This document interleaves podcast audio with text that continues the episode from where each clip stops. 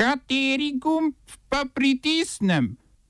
Tisti, na katerem piše OF. Španski predsednik vlade napovedal predčasne volitve. Po predčasnih volitvah v Izraelu nič bolj jasno, kdo bo sestavil vlado. 100 tisoč jordanskih učiteljev že drugi teden stavka. Ameriško pravosodno ministrstvo v boj za prihodke od prodaje Snowdenove knjige. Kamni spotikavci opominjajo na holokaust. Lazar Džamič govori o Alanu Fordu.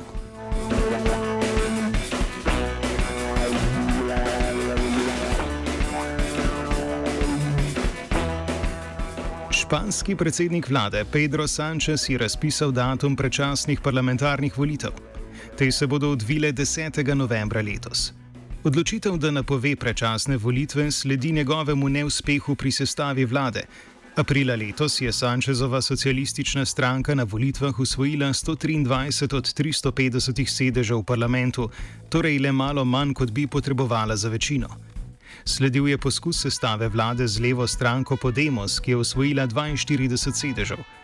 Po besedah Pabla Iglesiasa, prvega moža Podemosa, so pogajanja s Sančezom propadla zaradi njegove obsedenosti z oblastjo. Sančez je po propadih pogajanjih s Podemosom poskusil sestaviti vlado še z desnima ljudsko stranko in stranko državljanov. Ker pa pri tem ni bil uspešen, je španski kralj Felipe VI na zagovor poklical vse vodje parlamentarnih strank. Po končanih pogovorjih je naznanil, da ne bo nikogar predlagal za novega mandatarja.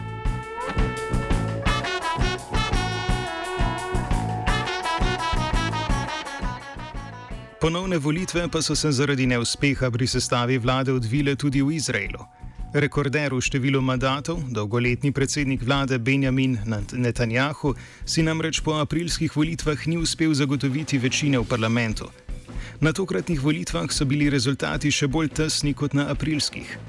Bibijev glavni tekmec, Benny Gantz, se je svojo modro-belo koalicijo še bolj približal rezultatu Netanjahujeve stranke Likud.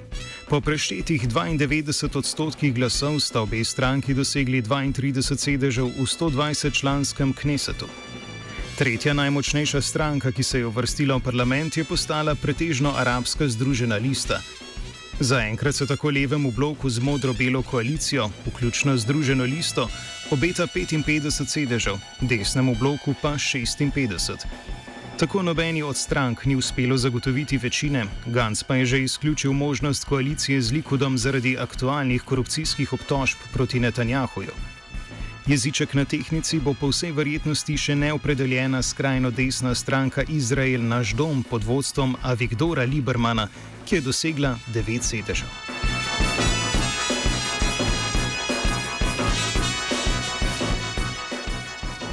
Ameriško pravosodno ministrstvo je vložilo tožbo proti žvižgaču Edwardu Snowdenu, s katero zahteva zaplembo vseh prihodkov od prodaje njegove nove izdane knjige Permanent Record. Knjiga, v kateri so po mnenju ministrstva objavljene državne skrivnosti, je na police knjigarem prispela včeraj. Snowden je v Združenih državah obtožen vohunjenja in kršitve pogodbe o nerazkritju, ki jo je podpisal s prihodom na delovno mesto v Nacionalno varnostno agencijo.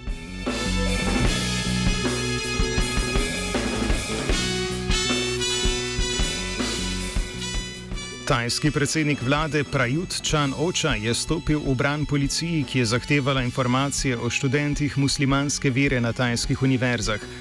Prajut je povdaril, da mora tajska vlada vzpostaviti varnostno podatkovno bazo in da je policija zato pričela z zbiranjem podatkov o muslimanskih študentih na univerzah. Pismo, ki ga je policija poslala univerzam, je na spletu delila nekdanja članica tamkajšnje nacionalne komisije za človekove pravice. Iz zapisanega je razvidno, da je policija od univerz zahtevala podatke o številu, kraju rojstva, sekti, ki ji pripadajo in drugih podatkih o muslimanskih študentih. Po mnenju predsednika vlade se v študentske vrste zlahka infiltrirajo zelo namerni ljudje in so zato taki podatki ključni za varnost države.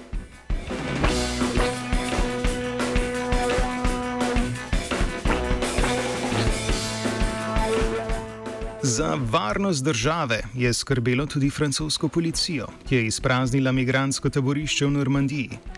Policija je iz nekdanje gimnazije izselila več kot 700 migrantov, ki so tam prebivali od decembra lani. Policijska akcija sledi odločitvi sodišča, da migransko taborišče predstavlja varnostno in zdravstveno grožnjo. Gre za največjo prisilno izselitev v Franciji v zadnjem letu.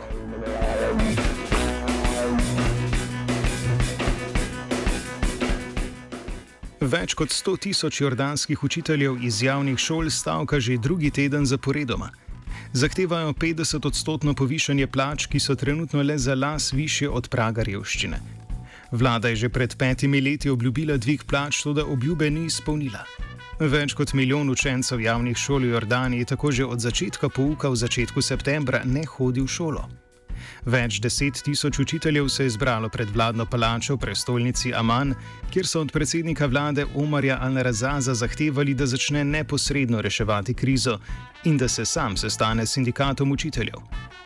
Med protesti je bilo aretiranih več kot 50 učiteljev, a so bili na to izpuščeni iz pripora.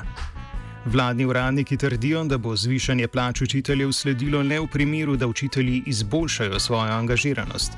To naj bi storili z objavo neodvisnih raziskav, udeleževanjem akademskih seminarjev in zunanjih izobraževanj. Oba, če bom odgovoril na angliški. Slovenija will try to help. We can Slovenija will and we will do our utmost To say that the situation is, our problem ourselves. and uh, We will make further steps as soon as the conditions are bomo vlado Marjana Cererja, Mira- Marjana Cererja Šarca podprli. very, very serious. we know how and we will.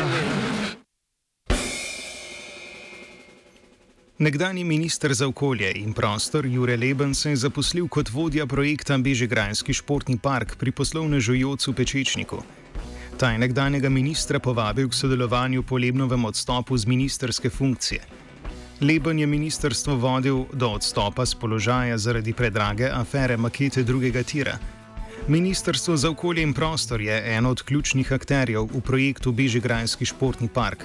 V času Lebnovega ministrovanja je bila sprejeta gradbena zakonodaja, ki združuje dva postopka: pridobitev okoljevarstvenega soglasja in gradbeno dovoljenje. Pečečnik tako čaka na gradbeno dovoljenje po integralnem postopku, kjer bo po vsej verjetnosti pospešilo pos- postopek pričetka gradnje.